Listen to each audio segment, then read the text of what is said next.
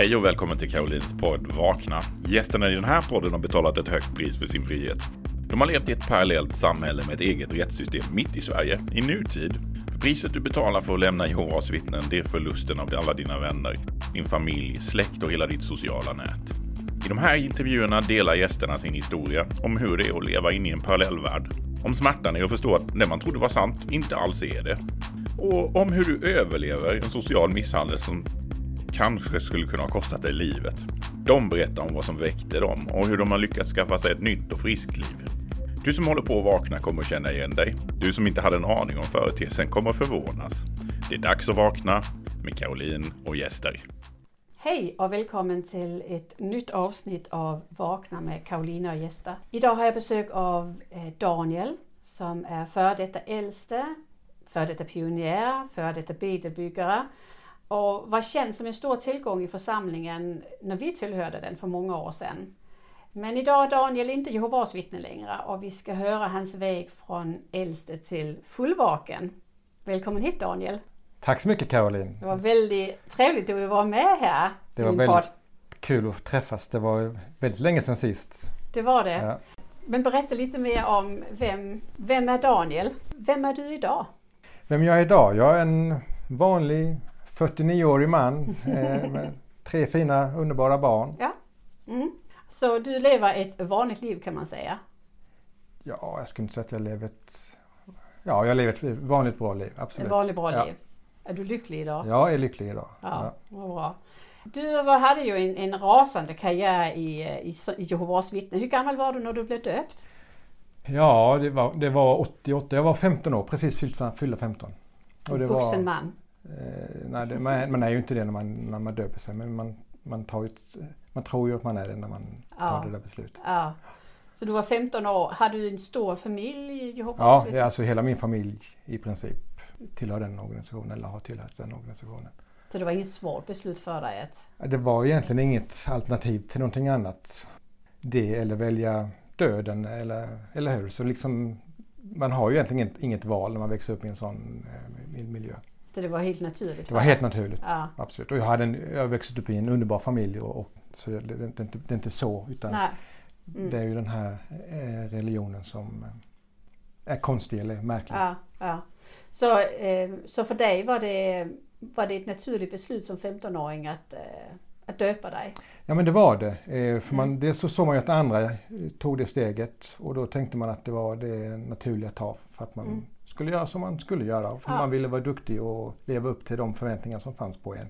Och du trodde på det? Eh, det gjorde jag fullt ut, ja. absolut. Ja. ja. Så, och vad hände sen? Du var 15. Hur såg din, liksom, hur såg din väg ut? Nej, alltså ja, den var väldigt engagerad i, i religionen. Alltså man la ju väldigt mycket tid av sin fria tid på den. Alltså mm. det, det, var ju så det var. Man försökte vara hjälphungrig när man hade lov. Ja. När man slutade eh, gymnasiet så, ja men då var det pionjär som var det naturliga. Så, så du var, gick gymnasiet? Jag gick gymnasiet. Jag var nog en bland de första för när det var, började var, bli okej okay att gå i gymnasiet. Ja. Så, eh, Vad tog du för linje? Teknisk linje på den tiden. Mm. Mm. Och sen efter det så var det ingen vidareutbildning utan vad gjorde du då? Mm, jag nosade lite på det men, men inte, inte så, det blev inte så då. Då, då eh, pionjärtjänst i, i några år. Ja.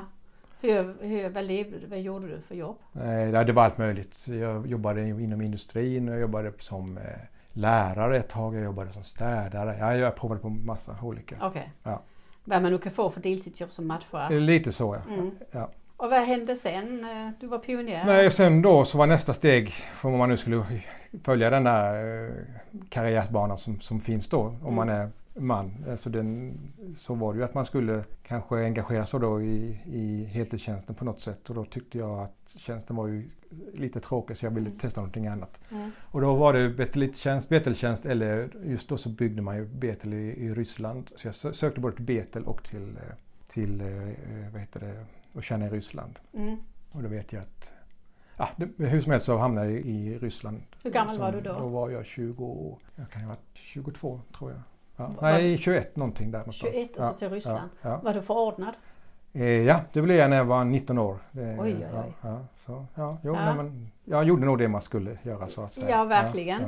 Hur var det att vara i Ryssland? Och... Ja, det var en spännande tid. Dels var det var en spännande tid i Ryssland där allting hade öppnat upp och och, eh, och det var ju ett, något av ett äventyr samtidigt eh, att vara där. Det var, Mm. så var väldigt annorlunda. Mycket hårt arbete, vilket gott kamratskapsgäng. Alltså, det var spännande. Det var lite som man levde i en, alltså om man nu ser det med de ögonen man hade då. Det var lite som att leva i en, en årsboksberättelse om du förstår vad jag menar. Mm. Det var liksom Och för rent personligt är det ju intressant att, att bo i ett annat kultur, i en annan miljö och Ja. träffa andra människor.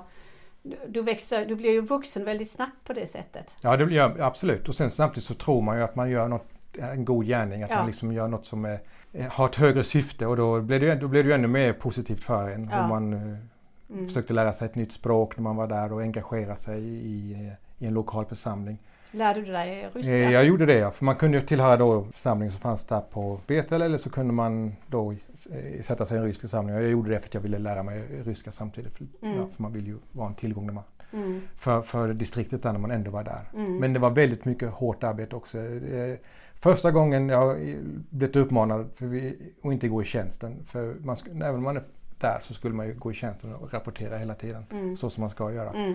Men nu vet jag, vi jobbade så mycket. Vi jobbade så mycket övertid. Vi jobbade helger och vi jobbade kvällar. Och så vet jag, jag sa det till någon där eh, som jag låg under. Att jag, jag har inte gått i tjänst den här månaden för jag måste, eh, jag kan inte rapportera. Men då blev jag tillsagd att jag skulle skriva så och så på, på eh, rapporten ändå. Så, Ja. så det var väldigt hårt arbete också. Jag har ju till och med hört det där vissa som tappar tron när de är på de här byggen för att det är så mycket jobb som ska Ja, göras. det kan jag absolut eh, föreställa mig. Ja. Att de, de här andliga rutinerna Ja. eh, faller undan för du hinner inte med det. Nej, men lite så var det absolut. Mm. Och det var väldigt intensivt på det viset. Ja. Och sen tillhörde man en rysk församling så fick man åka, då- det är ju möte tre gånger i veckan och då skulle man ta sig in till eh, Sankt Petersburg som var den närmaste staden. Bara det tog nästan, jag kommer inte ihåg, men en och en halv timme. Ah. Och sen skulle man ta sig tillbaka och sen Mm. skulle man förbereda sig och allt det här också. Mm. Så, så man var ju verkligen upptagen. Men det var en spännande tid ändå. för Ja, det det var- förstår jag. Väldigt. var, och så här i efterhand så även om jag inte så tycker jag det är givande på att ha fått vara där för det var en spännande tid i eh, historien. Få se vad som hände i, i Europa på eh, efter brytet med kommunismen och alltihopa. Ja. Så, Vilket år var du där? eh, från 94 till 90 96. Ja, just det. Mm. Det var ju eh, precis det nya Ryssland som byggdes upp där. Exakt ja. Och allting Ja. var fritt och så. så. Så 96 kom du tillbaka och då, vad hände, vad gjorde du då? Nej, då, då 96 så eh, mm, bara träffade jag min eh, blivande hustru och vi gifte oss. Ja, Mm. Började ett vanligt annat liv. Jag började studera på högskolan faktiskt. Ja. Så två år där, eller ett par år där ja. Mm. Mm. Men fortfarande aktiv i församlingen? Ja, absolut. Ja. Ja. Och, och, eh, Målet var väl lite att eh, studera och sen komma ut i den tjänsten igen kanske. Så tänkte jag då. Du vill det inte bygga igen? Exakt ja. Ja. Mm. Så, ehm, men du kanske blev som det blev, man får barn och... Mm, blir ja men livet kommer lite ifatt ja. Eh, Ja. Eh, Mm. Vi, vi ansökte faktiskt att komma iväg men det hände ingenting. Men sen när min hustru blev gravid då fick vi faktiskt en inbjudan till att åka, jag kommer inte ihåg, men något baltiskt land. Men då fick vi naturligtvis tacka nej. Ja, ja, just det. Ja. Hur kändes det? Ja, men vi hade ju bestämt att vi skulle skaffa barn så det var ju liksom inte så stor grej. Men vi tyckte bara var så ja, komiskt nästan att... Mm. Ja. att- Det var då ni Ja. kunde få det. Så, eh, så ni blev liksom en, vad kan man säga, en tillgång i församlingen istället i en lokal församling för nu blev det en ny fas i livet med ja barn. men så var det nog absolut. Ja. Man var ju fortfarande engagerad och, och trodde på det här. Och... Och när blev du äldste? Jag kommer inte ihåg exakt men det var i början på 2000-talet. Där Ja. gång. Ja. Mm. Hur gammal var du då? 30? Ja, där 20, någonstans. 30, Ja, det var 30. precis som det var eh, där någonstans. Ja. Ja. Okej, så ehm, nu är, det låter ju helt fantastiskt och du var aktiv men du är ju inte, du är inte Jehovas vittne idag. Vad var det som hände? Vad var det som gjorde att du började Började du Ifrågasätta. eller var det någon annan som sa någonting till dig? Nej, men det var vissa saker. eh, Alltså en, en stor bidragande, bidragande orsak till att jag liksom såg igenom det här eller så att det var något som inte stämde.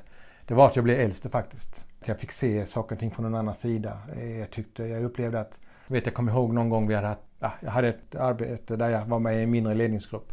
Och jag upp- upplevde att skillnaden mellan min världsliga ledningsgrupp och den ledningsgruppen som man hade då i, i organisationen var så var skillnad. Jag upplevde större kärlek eh, och större omtanke om varandra i den världsliga ledningsgruppen om jag jämförde med hur eh, det var i den eh, äldste krets, eller den äldste mötena som jag satt i, ja. i församlingen. Det var en sån sak som skavde. Ja. Jag tyckte ja. det var lite konstigt. Ja, det förstår jag. Eh, och sen var det det här med att eh, när man satt i dömande kommittéer så vet jag också jag reagerade. Jag tyckte det var fel på, på, på många sätt. Jag vet jag reagerade på det och jag vet att jag uttryckte vid något tillfälle till de andra. Vi hade något sånt förhör med någon då som hade gjort något felsteg. Så eh, ja, jag tyckte det var ett felaktigt sätt att, att hantera sådana saker på. Tyckte du det var liksom inte, inte, integritetskränkande. integritetskränkande. Där sitter man tre personer mot en, en, person som är helt ensam, helt utlämnad.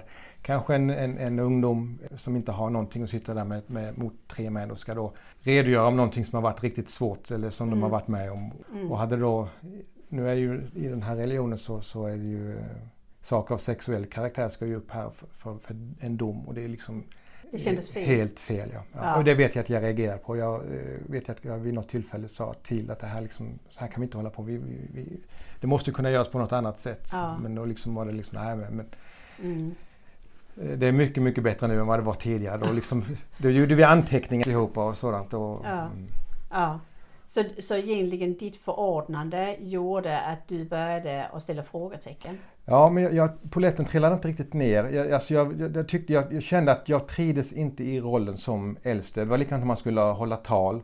Så får man ju en, en disposition man ska följa. Och det, jag hade ganska lätt för att skriva tal och så vidare. Men det som var det svåraste med att skriva tal, det var jag upplevde att det var många passager som man liksom inte riktigt kunde stå för. Som man var tvungen att skriva om för att man skulle kunna ta sig runt och ah. presentera det. Men kanske på ett sätt som passar mig. Och sen, det var kanske 80% fick man liksom skriva om så att man kunde liksom linda in det man ville få fram istället för liksom det här bombastiska budskapet som skulle fram. Vad var det som du inte kunde stå för? Nej men det är, det är många saker som, att, alltså det här är Ja, till exempel det här med, med, med, med, att man ska döpa barnen när de är i unga år. Det kan vara sådana saker eller att man väldigt dogmatiskt, så här och så här är det liksom, mm. och inte komma med eh, sakliga argument. Mm. Argumenten är av eh, liksom auktoritär karaktär. Så här och så här är det. Mm. En forskare har eh, sagt så och så och det visar att det är på det och det och det viset. Det är mm. liksom ja, mycket sånt ja. som stör det.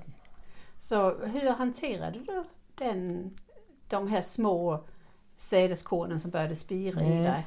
Ja, men det var en frustration. Jag kände att det här, det här är inget som passar mig. Eh, så jag tog mig ur den eh, rollen. Det var väl först då som uppvaknandet satte fart kan man säga, för då fick man tid. Så i början så trodde du bara det var själva äldste eh, anordningen som inte passade dig? Nej, jag, alltså när man är i den här, sån här eh, kontrollerade miljö så är det ju, eller sådana här organisationer så, så blir du hela tiden matad med att det liksom, organisationen är orörlig. Det liksom, finns inget fel på organisationen.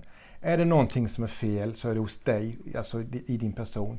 Då har du liksom studerat för lite och du har fel personlighet, du måste forma dig bättre och du måste gå med i tjänsten och du måste göra mer och du måste göra mer och du måste göra mer. Ja. Eh, så det är liksom alltid dig som felet ligger. Det, det finns ja. inte på kartan att felet ska ligga någon annanstans. Så det, man, det jag sökte och tänkte man det måste vara, det är något som är fel på mig. Så det var liksom det, för det andra fanns inte på kartbilden. Du började ifrågasätta dig själv? Lite så ja, precis. Ja, ja. absolut. Så eh, Okej, okay, så du slutade som äldste och då säger du att då började de vakna där. Var det, nu fick du frigöra tid plötsligt eller? Eh, precis, för när man är, liksom, växer upp i en sån här organisation så, så skäls allt, eller skäls, ja, man har liksom ingen fri tid över till någonting för allting fokuseras på detta. Mm. Det har man med sig redan från det att man är liten. Och, och, för att då vara en god person så måste du göra det här och, och du gör alltid för lite av mm. allting. Och det får så, man alltid höra. Så även om man är jätteduktig och gör allt och man förbereder sig allt och man gör lite till så gör man ändå för lite. Ja. Alltid. Ja, och just när, vad det jag komma till, när man då slutade som äldste, för när man är äldste så är, eller jag vet inte riktigt hur det är nu, för det var ju några år sedan, då var man väldigt, man var väldigt upptagen med att förbereda punkter man skulle hålla, man var tvungen att förbereda sina uppgifter. Man hade uppgifter man skötte. Man kanske hade något uppdrag på de här sammankomsterna mm. som skulle förberedas. Och man var väldigt, väldigt upptagen. Plus att man då skulle hinna med sitt vanliga privata liv. Fast egentligen och var familjestudier, familjestudier och barnen skulle i tjänsten. Och, och, du själv skulle ut och, och, och, och så här. Så det som man fick när jag tog mig ur äldsteskapet, det var tid helt plötsligt. Jättemycket tid. Och då la jag den tiden på att studera för jag tänkte jag måste liksom verkligen se vad, vad, vad är det det glappar för någonstans. Studerade du Jehovas eh, litteratur eller var det litteratur utanför? Nej, alltså jag började med eh, vittnenas litteratur för det, man, det finns ingen annan källa att, att gå på. Ja. Och eh, mm, nej, jag la mycket tid på det och det var det som Vad studerade du då? väckte mig. Nej men det kunde vara sådana här, var såna här grejer som jag hade, jag gjorde en lista på det här, det här tycker jag är lite, lite märkligt. Alltså jag vet, man fick ofta tal om det här med, med 607 till exempel. Tänkte, varför ska det hela tiden tjatas om 607? Det är liksom ingen på distrikten som, som, som, som är intresserad av det här. Nej. Så det var en sån sak som jag la mycket tid och liksom försökte bena ut. För det, enligt deras då, jag vet inte hur det är nu, så kunde man från det räkna ut det här 1914 som ett väldigt viktigt år Mm. för vittnena, eller var då. Och, och, ehm, och det var något, varför var det så viktigt? Och, och för det, stäm, det här 607 då stämmer inte med, med den världsliga, eh, hur man ser det Mm. i, i, i den vanliga världen. Det kan låta konstigt för de som inte känner till detta men det är liksom en, en, en nyckelfundament i, i religionen. Och sen var det också något som störde mig för man, det här med generationen. Allting bygger på att när det, eh, den här generationen som upplevde 1914 var ju någonting som man hade matats med hela tiden när man var liten. Ja. Att den skulle visst inte dö ut innan då Slutet, slutet skulle komma. Nej. Och, och ehm, där började man införa något som heter överlappande generation och jag fick inte det ihop. Jag tänkte då, det stämmer ju inte med det man har sagt tidigare. Då måste det man var- komma med en rättelse och be om ursäkt. Då, för då, då har man ju lurat människor. Ja. Och, och då upplevde, kände jag att då har jag också lurat människor för jag har ju sagt detta som ett, ett, ett så här och så här är det. Det var ju ett av våra huvudargument i tjänsten när vi gick ut och predikade. Att Ja. Nu förstår ni att de som har upplevt 1914, om de ska uppleva slutet också, så måste det komma snart. Ja. Eh, så det var sådana saker jag försökte liksom eh, få- få, en grund. Och sen tyckte jag jag hittade konstiga saker. Som, jag vet en sak som jag nämnde det här med, med auktoritär argumentation. Att man liksom hänvisar till en forskare, ett citat, pang och sen en slutsats. Därför är det så och så.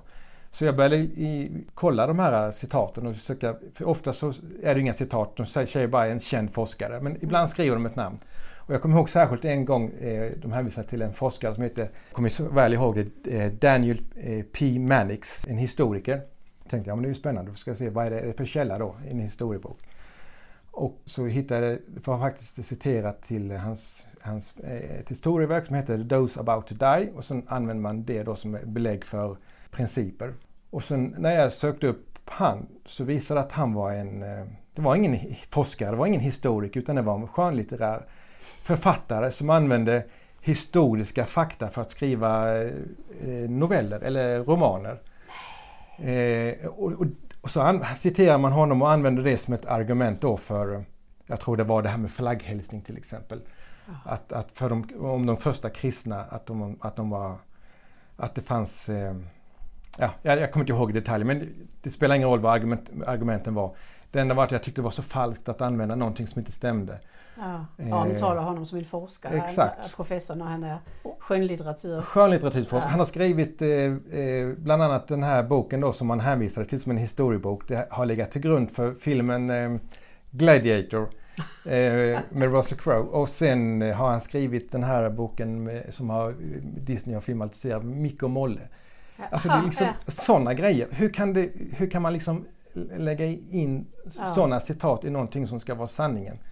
Eh, sånt störde. Det var, och, och, och när jag hittade sådana gre- konstiga grejer så då gick jag och letade fel, inte fel men ja, eh, ja, det, det satte igång en, en snöbollseffekt. Du dubbelkollade, började dubbelkolla. Exakt. För hur många Jehovas vittnen gör det? Man hinner inte. Nej, precis. Man hinner knappt läsa materialet som det är. Ja. Desto mindre att kolla källmaterialet. Så vad ledde det här till? Och vad sa din fru? Jag menar, vad var ni liksom, var Nej, ni ja. överens om detta? Nej, eller? nu är det ju så här i en sån här sluten rörelse. Det är lite som att växa upp eller leva i Östtyskland eller Nordkorea eller någonting. För. Dels får man inte tvivla. Det är liksom fel. Om, man, om nu man är i en relation så kan man inte vara öppen och ärlig för då ska ju den andra parten egentligen eh, gå till de som har ledningen i församlingen och Och ange. Precis. Ja.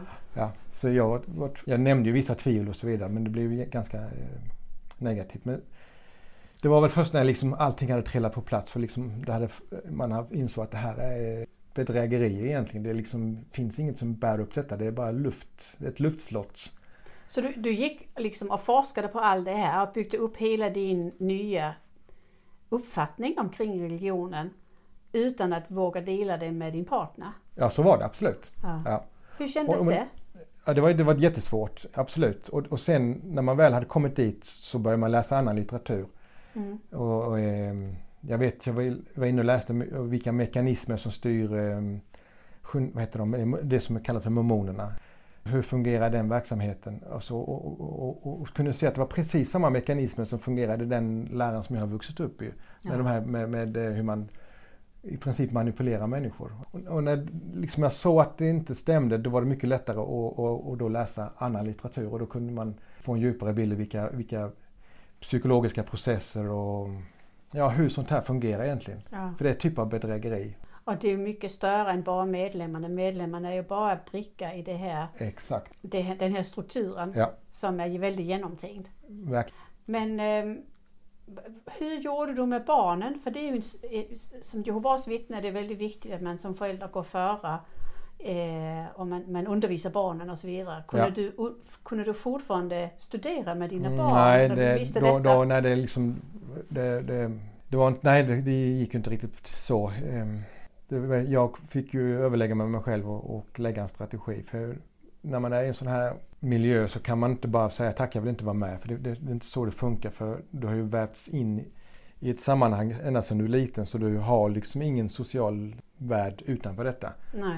Och om man då blir utkickad eller om man väljer att lämna så, eh, så står man ju helt ensam. Och Mm. min största eh, då, farhåga när jag fattade att det här stämmer inte och jag kan inte, jag kan inte stå upp för de här sakerna längre. Så insåg jag att om jag lämnade så skulle jag förlora hela min familj i princip och riskerade då att när mina barn väl då hade jag nog väldigt svårt att få med mig barnen. Eh, då var det nog risken stor att de skulle vara kvar i organisationen Mm. och när de väl då hade gjort det här, döper sig som man då ofta gör då i tonåren, Mm. så skulle de inte få ha kontakt med mig. Nej. Så jag var tvungen att lägga en, en, en annan strategi.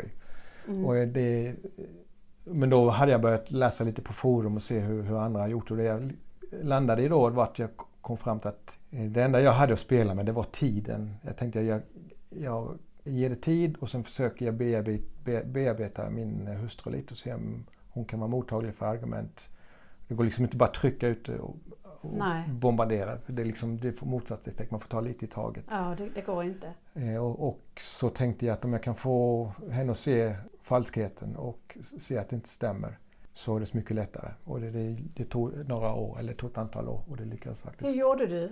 Jag vet ju det är många som sitter och lyssnar som just är i den situation. Den ena är vaken, den andra är inte vaken. det är jättesvårt. Man ska ha det tur med sin äktenskapspartner att den personen inte går och, och anger direkt. Mm. Men eh, det är prata, prata jättemycket och diskutera. Tog du, var det något speciellt ämne du liksom... Ja, sakta så, så lite. Mm. mm. Lite här, lite där. Lite här och lite där ja. Mm. Men man blir ju snabbt stämplad också som att man är så negativ. och Du ska bara se det negativa och du ska bara... Ja, just det. Krit- Eller- man blir kritisk. Man kritisk, det precis. Mm. Men samtidigt kände jag liksom, jag har... Och det står jag för fortfarande. Man har vuxit upp i någonting där man liksom får, får lära sig att något är sant och sanning och då ska man liksom del, dela med sig och stå för sanningen. Mm. Och när jag då upptäckte att det här som man så väl trodde att var sanningen, det var ju bara ett namn, det var ju inte sanningen. Mm. Då kände jag ändå att jag har ett ansvar att eh, om det, det är inte är sanningen, då, då är det någonting annat som är sanningen. Mm. Och, och då står jag för mina principer. Jag har inte ändrat som människa utan det som är sant är fortfarande sant. Det är bara Mm. att det är någonting annat som är sant. Om du Ja, förstår vad jag menar. Jag. Ja. Så jag känner inte att jag ändrade mening i livet utan jag bara ändrade fokus. ja, just det. Eh, för Mm. jag stod upp för någonting annat som Ja. var sant istället. Ja. Det är ju ofta därför att, att vi som har varit väldigt aktiva i församlingen innan blir ju väldigt aktiva på andra sidan också. Ja, så kan det vara. Vi är ju uppfostrade till att har vi, har vi hittat en sanning så predikar vi om den. Ja. Men, men det man, ett som parrelation och den ena har vaknat och den andra inte vaknat, det är jättesvårt. Det måste jag säga. Det, det finns inga garantier att det ska lyckas överhuvudtaget. Nej. Men mitt råd är ta det lugnt, sitt ner i båten, låt det ta tid Mm. eh, och ta det, ta det försiktigt, sakta. sakta. Och så kanske också ha en plan att du är väldigt mån om att du vill ha med dina barn. Du Ja. vill inte bara vakna själv. Du vill också ha en strategi för att få med dina barn. Ja, så var det absolut. Eh, Ja. Jag ville inte att de skulle vara kvar där. När gick du från att... Sen tänkte Ja. jag man kunde ju bara varit kvar och spelat med. Det kan man ju också göra. Mm. Men så då tänkte jag sen då kommer ju mina barn få ta den smällen sen när Mm. de kanske gör någonting och de blir uteslutna eller Ja. någonting. Så då tänkte jag så här, det är bättre jag tar smällen åt eh, mina barn. Och du förstår vad jag menar. Ja, ja. Och sen se om jag kunde ly- lyckas ta det den vägen. Det var väldigt bra du tänker så också, att bättre att man tar den som vuxen. Ja, för att det är ju inte bara det här med att barnen riskerar att bli utesluten. De växer ju inte upp med det fria sinne nej, som de har rätt till. Och man ger inte dem de möjligheterna som de har rätt till heller. Men när det Nej. gäller utbildning eller socialt, alltså skaffa sig vänner. Du är väldigt Ja. isolerad när du växer upp i en sån här Ja. miljö. Ja, Och du, du låser dig. Du, du begränsar dig. Alltså Mm. du, du blir fostrad att begränsa dig när det, från det att du är riktigt liten. Att du ska inte ha några vänner utanför. Man avskärmar sig redan tidigt i skolan. Man kan inte lita på sina lärare för de är inte med detta. Man, man, liksom, mm. man låser in sig i en, i en bubbla. Alltså Mm. man, man äh, låter sig bli någon annan än det man är själv egentligen. Så det- upplevde jag det. Och det är klart att det, det är ju inte sunt att leva i en värld där man lever i ett parallellsamhälle. Nej, det är verkligen Alltså inte. verklighetsbär, den, den världsbild man ger till barnen är ju inte sund. Nej. Så, men när gick du ifrån att se det som falskt till att faktiskt vara en skadlig organisation? Nej, men när man, när man väl såg igenom det så, gick det väldigt snabbt. Alltså då trillade alltihopa. Och då liksom bara stod man och undrade vad var det som hände. Ja, Det var lite som att bli överkörd av en buss höll jag på att Ja. Alltså, ja jag förstår för det. det är liksom när man bara ser att det inte stämmer då, då trillar ju alltihopa. För när, Ja. när någonting inte håller, då, håller inte nästa och då håller inte nästa. Och då, liksom, och då är nästa steg var då liksom tänka vad, vad, är det som, vad är det som finns istället? För man är ju uppfostrad med att det ska finnas en sanning. Ja, Men det var ju kanske det som var nästa insikt att det kanske inte finns en sanning utan man ska hitta sin egen eh, livsuppgift eller Mm. Ja. det. Eh, ja. Så eh, du gick med den här kunskapen och du började bearbeta din, din partner, din fru. Hur lång tid tog det? Och, och hur gjorde ni då? Vad hände? Ja, det var egentligen en slitsam process. Det tog många år. Mm. Eh, och, och det var inte lätt för henne heller för hon fortsatte ju troget att gå på möten och ta med sig barnen och jag försökte dra på andra hållet sakta men säkert. Så det absolut, det var slitsamt på så sätt ju. Mm. Vad sa barnen? Var de så stora så de förstod det? Ja, det gjorde de. Det var inte lätt för dem heller egentligen. Verkligen inte. Men eh, Ja, men så ehm, till slut så, ehm, så vaknade din, din fru också. ja. Och vad gjorde ni då? Nej, men då var det så mycket lättare. Då kunde vi lägga upp en strategi tillsammans. Första var ju att barnen kunde vi låta vara lite friare. Eh, Mm. De kunde ha lite mer kompisar och, och ja. Mm. Och då hade, la vi först en plan att vi, vi fejdade tillsammans. Eh, Jag hade ju redan fejdat egentligen. Alltså, och bara låta det bero och låtsas som att vi inte tillhör den religionen längre. Mm. Eh, det fungerar ju inte riktigt så för de, man blir ju lite jagad då. Alltså, de vill ju leta, ja församlingen vill ju ha kontroll över dig. Ja. Ja. Så de, de försöker hålla inne igen. Hade ni många kompisar kvar? Det blev ju så att jag blev ganska isolerad. Eh, det var liksom ingen som hörde av sig till mig längre. Utan, eh, och min hustru var ju den som det blev synd om. Så var det någon som blev bortbjuden så, så var det hon. Men jag tror hon också blev väldigt mycket utanför under den här tiden. Det är faktiskt intressant för lyssnarna att tänka på, för många tänker att "Nej, men jag vill vara kvar och fejda för att jag vill ha kvar mina vänner. Mm. Men det kan vara väldigt svårt att ha kvar sina vänner Ja, när man inte har den positionen man hade tidigare. ja. Och det, det är också ett råd jag vill ge då när man har hamnat här. Att man vaknat upp och sett att det inte stämmer. Att inte vara för hastigt och, och lämna organisationen utan försöka samtidigt bygga upp en ny värld innan man tar det här steget. Om man nu inte råkar bli utslängd då, Mm. som många blir också av Mm. olika orsaker. Men har man möjligheten så är det kanske bättre att ta det försiktigt, sitta lugnt i båten och försöka lägga en plan och strategi. Om det går. Exakt, man gör, gör sin egen exitplan lite. Var det så ni gjorde? Så gjorde vi egentligen. Ja, Mm. precis. Hur tar vi oss ur detta på bästa Mm. sätt? Mm. Sen har du ju ett pris, så det har du. Men Ja. det är det ju, enligt mig så är det värt att ta. Alltså, när man, Var, var det för att ni sa att i början så kan vi fejda lite och vi kan leva i ett parallellvärld? Blev det ohållbart i längden att göra? ja, det blev det. Det blev det absolut. Jag blev till och med anklagad för att vara avfälling och blev eh, anklagad för att vara motståndare då och Mm, blev kallad till ett sånt här kommittéförhör och fick sitta då på andra sidan mm. skranket. Och där kunde jag tänka, jag kunde ju valt att och sagt nej, jag är inte intresserad. Men jag tänkte att jag står för det jag tycker Mm. och tänker. Och gick dit och, och bemötte min, mina argument så att säga. Mm, Och mötte då de som de sa anklagade mig. mm, Jag har inget negativt att säga mot de som de eh, sa anklagade var nära vänner och, och så som var kanske oroliga för min situation och hade uttryckt då att de var oroliga för mig. Mm. Så de hade ju ingen anklagelse egentligen, de hade bara oro. Då föll ju den eh, anklagelsen, alltså det, det blev inget så mer efter det sen. Men sen valde vi själva att efter ett tag att vi kände att vi kan inte stå för detta längre så vi skrev ut oss. Och då hade vi uppnått vårt syfte så att säga. Vi liksom, Mm. Ja. Då Det här- kände ni att ni ägde den, det beslutet? vi ägde den själva, vi, precis. Men eh, jag vet att eh, det hände någonting i samband med att ert sista barn blev född eh, med blodfrågan. Mm. Har du lust att, dela den berättelsen? Och, och vad, satte det några tankar igång hos dig? Ja absolut, jag var redan vaken då när detta hände. Eh, Så det var lite, väldigt obehagligt. Eh, För jag var ju med och tänkte, jag kände ju till att jag har läst, läst mycket om blodet också. Och visste var jag stod i den ståndpunkten. För det, den, ehm, Så egentligen, du var inte överens om blodfrågan? Nej, verkligen inte. Eh, eh, Jag hade lagt mycket, för det var också en sak som hade stört mig tidigare. Eh, Jag tänkte om nu blodfrågan är så viktig. eh, Varför har vi då bara en kort punkt varje år på tjänstemöten när man skulle fylla i sitt blodkort? Det var kanske en, en kort punkt på 10-15 minuter. Så satte jag det i kontrast till när vi hade, skulle på sammankomst varje år. På, då höll vi tre, fyra kvällar och gick igenom hur man skulle klä sig, hur man skulle uppföra sig på sammankomsten. Så tänker jag, hur, det, det, liksom, det är ju det är ju självklarheter. Borde det då inte vara mer viktigt att fokusera på blodfrågan om den är så jätteviktigt? Så det, det var någonting som störde mig, det var liksom det dissonans där. Så det var någonting som jag också hade gått till botten med. Och när, jag, när den poletten trillade ner, eh, för, vittnena går ju väldigt upp i det här med blodbeståndsdelar och så vidare. Och, och eh, att det får de inte ta. Men eh, då till exempel vita blodkroppar eh, är ju någonting som passerar från bröstmjölken till ett barn. Eller, eh, och om nu Gud har skapat alltihopa och han har gett eh, kvinnan möjlighet att ge ett barn sin bröstmjölk och det är vita blodkroppar.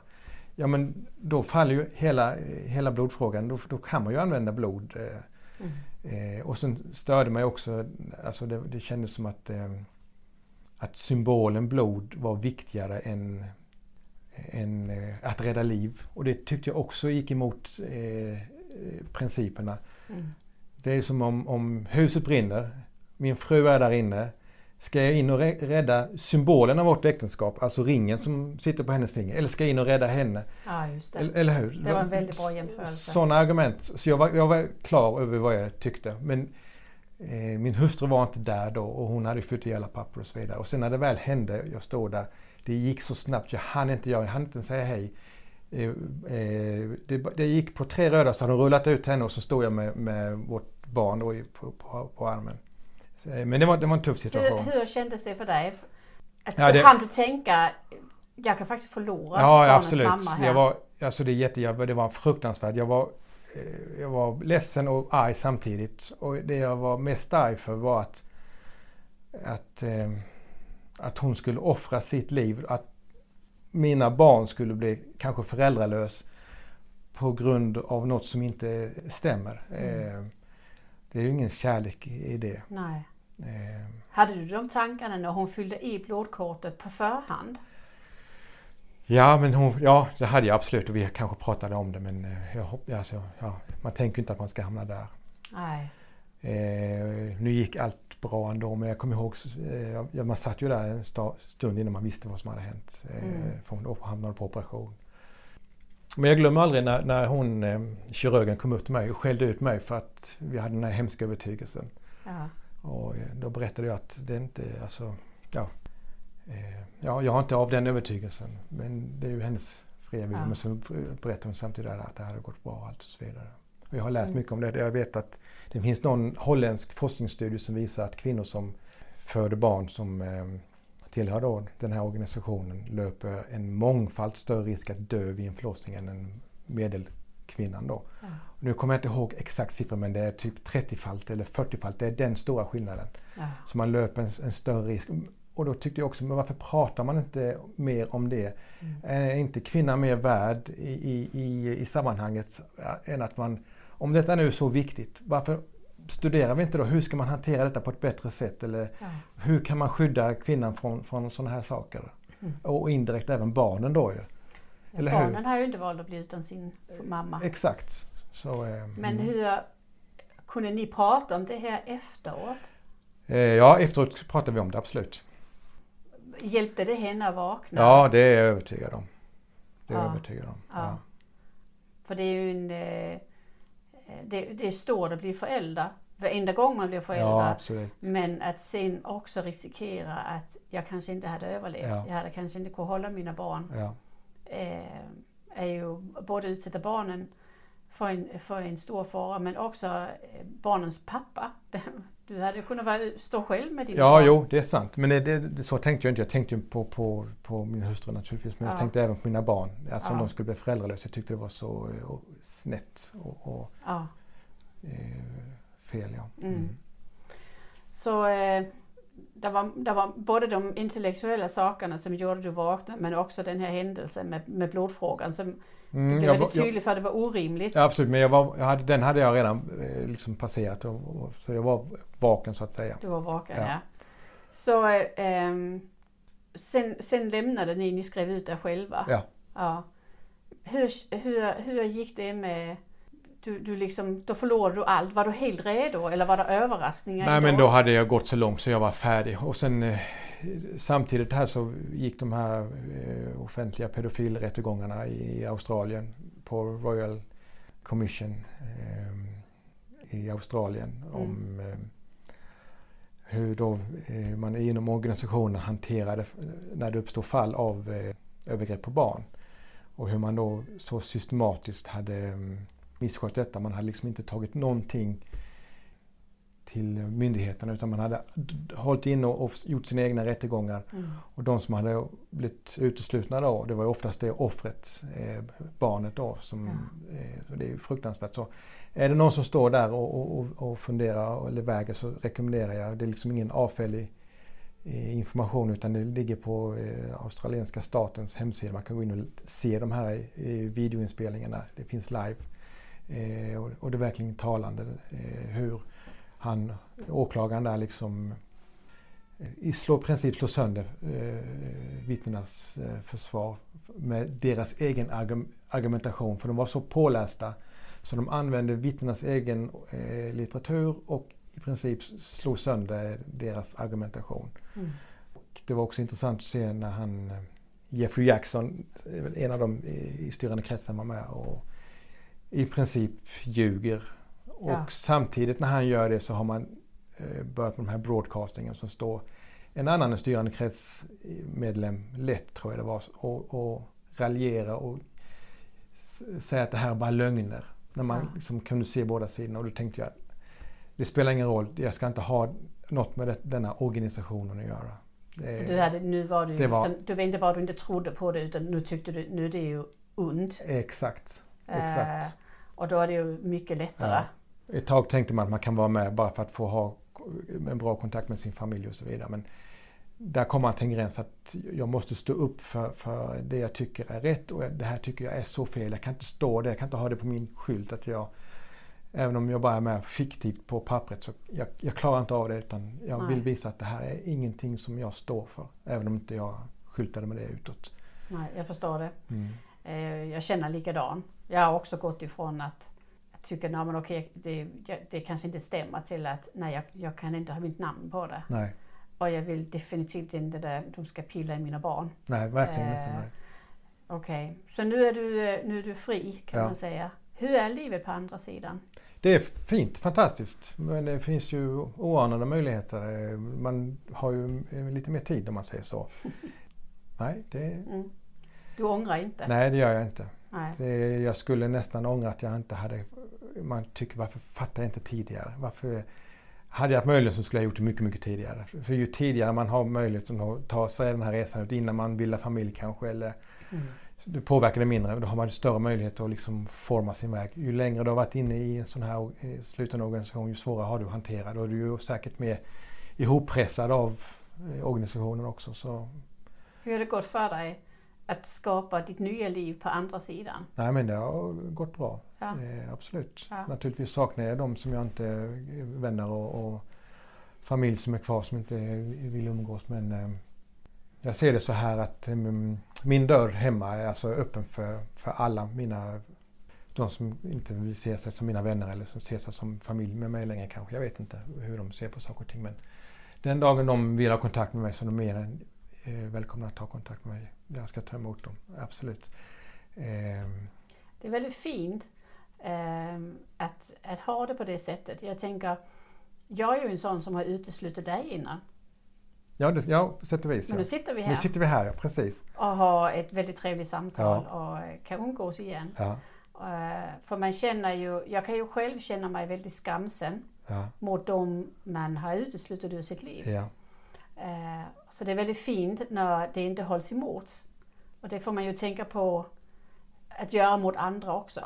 Absolut, det är en intressant tanke. För så, så upplevde jag också när man då lämnade så var det andra som hade varit med om samma sak. För det, när man är mitt i den där processen, när man vaknar upp så tror man att man är liksom ensammast på jorden. Är det bara jag som, har- för man är, man är så otroligt inlåst i den här bubblan. Mm. Men det är jättemånga som har gjort den här resan tidigare. Det finns hur mycket som helst. Och den här podden är ju ett bra exempel på det. Att, Ja. att de som har varit med om en sån här resa får göra sin röst hörd. Och det, är, ja, det är väldigt berikande när man kommer till det här stadiet att man börjar liksom kika lite utanför dörren Mm. och, och ta till sig av information och se att det är andra som har, har gått igenom samma sak och då blir det mycket lättare. Och då ser man att det, det är tufft, det är jättesvårt, det har ett högt pris.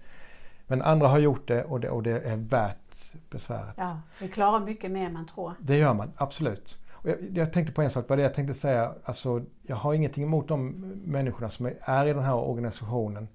Jag, alltså, de här människorna är, är underbara människor, många av dem, eller de flesta, absolut. Jag har inget emot någon i organisationen. Det jag har emot det är själva organisationen och hur den leds. Och hur man kontrollerar människor och, manipulerar och, eh, och, och styr människor. Ja. Det, och det är ju eh, de människorna som, som vi var innan i organisationen, de som är kvar, eh, är ju bara leksaker i organisationens stora spel. Ja, verkligen. Eh, man är hjärntvättad och, och vet inte vad man gör. Nej, och sen, men det, hjärntvättad tyckte man det var liksom, man är ju inte hjärntvättad. Ja, Hallå, Mm. det är klart man inte är hjärntvättad. Men när man får perspektiv och, och tar ett steg tillbaka och kommer ur den här karusellen med alla mötena och, och, och, och ser det med andra ögon så är det ju bara en repetition av samma sak hela, hela, hela tiden. Tre dagar i veckan, nu vet jag kanske det är lite mer sällan. Är det två, ja. Ja, och sen, och sen, eh, sen ska man själv sprida det här och man bara repeterar, repeterar, repeterar. Ja. Visst är det en programmering och visst är det en, en slags hjärntvätt. Ja. Och du har liksom inte den egna fria viljan. Du har ett, ett, en mall du ska vara inne i och du har en riktning. Och sen, allting annat är fel. ja, och framförallt så får du inte ifrågasätta. Man får inte ifrågasätta Nej. mig. Du får inte läsa den litteratur där folk tycker annorlunda. Nej, så du får ju inte möjligheten för, för att utveckla ett kritiskt tänkande. nej.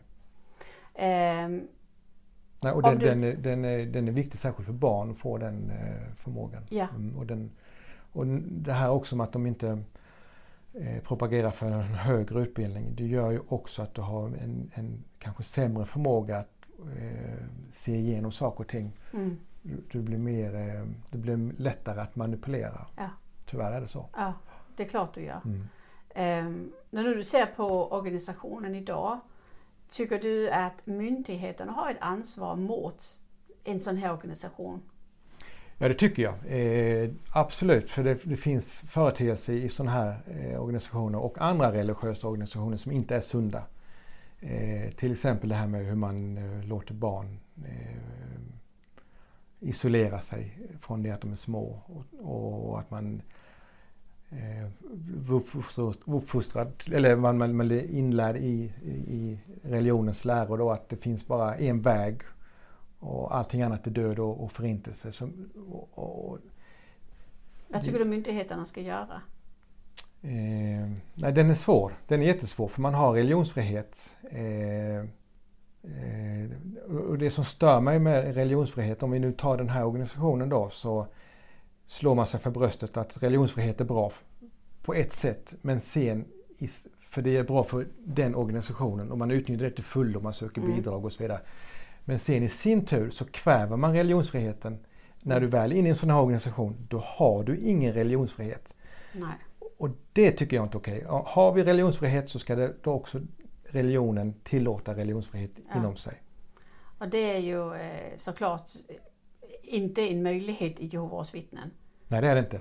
Barnen får inte delta i, i andra religiösa högtider som julen till exempel. Till exempel ja. Eh, har de inte frihet att delta eller andra.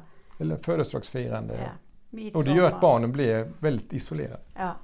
Mm. Tycker du att eh, Jehovas vittnen lever upp till barnkonventionen?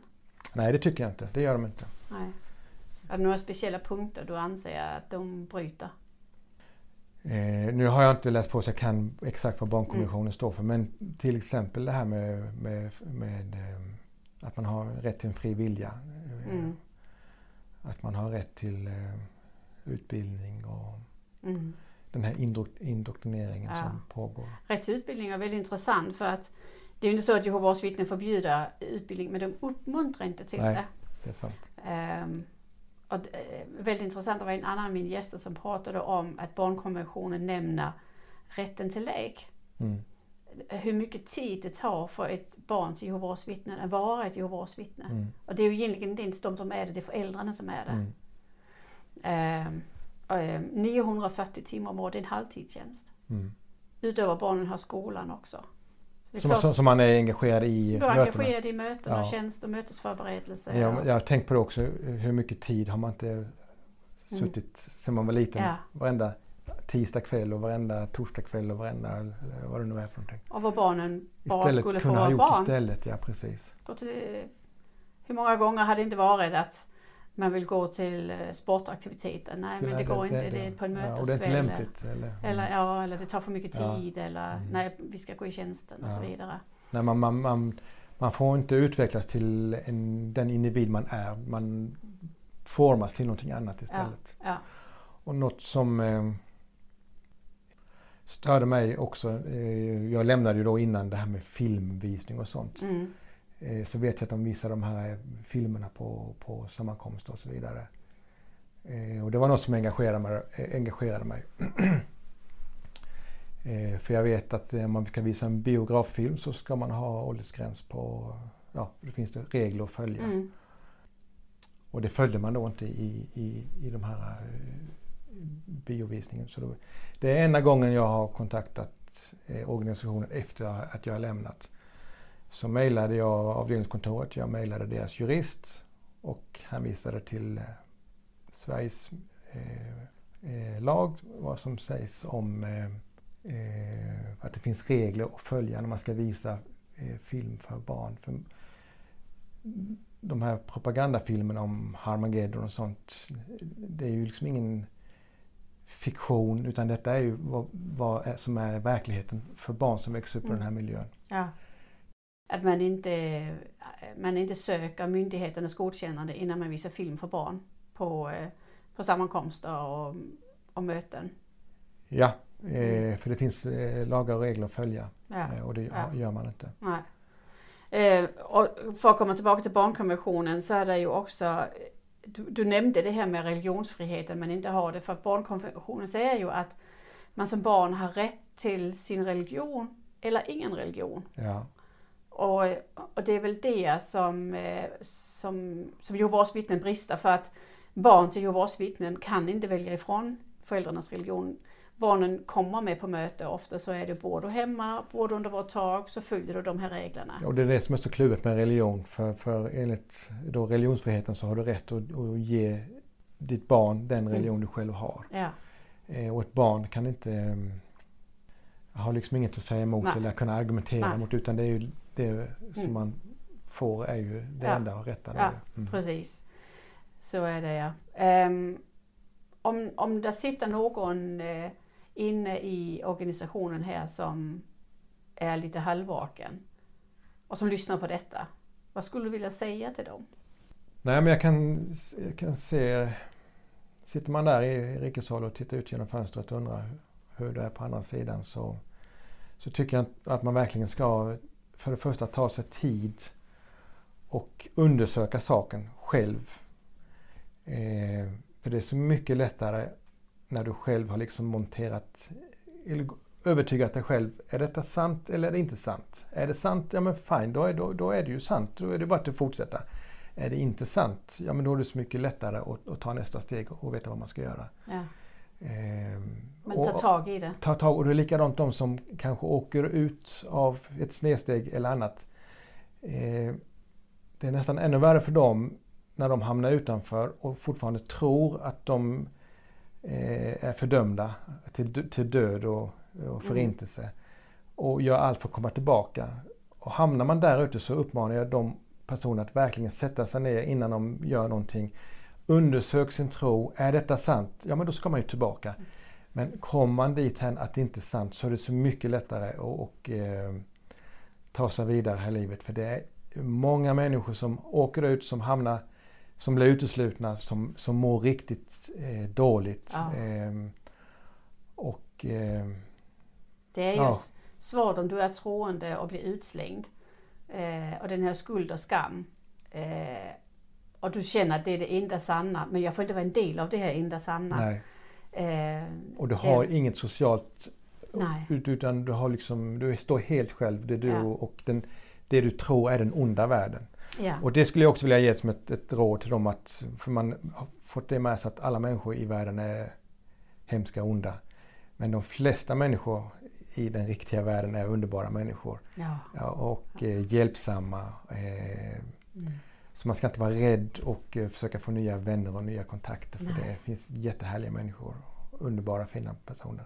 Underbara fina människor. Det var väldigt fint att, att avsluta samtalet med det. För det är väl just det där att, att från att gå, att man tror att världen är ond. Ja, Så upptäcker man att världen är väldigt fin. ja verkligen. Ja. Och att eh, från att, att se alla människor som inte är Jehovas vittnen som världsliga till att se dem som fina medmänniskor. Ja, ja. Som, eh, som ofta vill andra människor väldigt väl. Absolut. Och komma ifrån det här dömande som man har med sig när man kommer, kommer i en sån här som man liksom Ja. dömer någon på förhand för att av en eller annan orsak. Mm. Så man kan säga att som du ser på det nu så har du best life ever. Ja, så skulle man kunna uttrycka det. Som vaken, ja. Tusen tack för att du ville vara med Daniel. Det Tack var väldigt roligt att få träffa dig här och, och höra din berättelse från bedelbyggare till eh, vaken. Tack så mycket, det var trevligt att komma hit. Vill du vara med i Vakna med Caroline och gäster?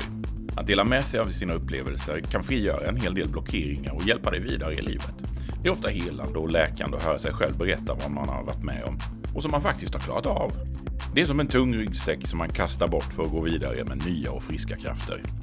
Besök reject.com och anmäl ditt intresse om du vill vara med. Knappa in r-eject.com reject.com. Du är varmt välkommen.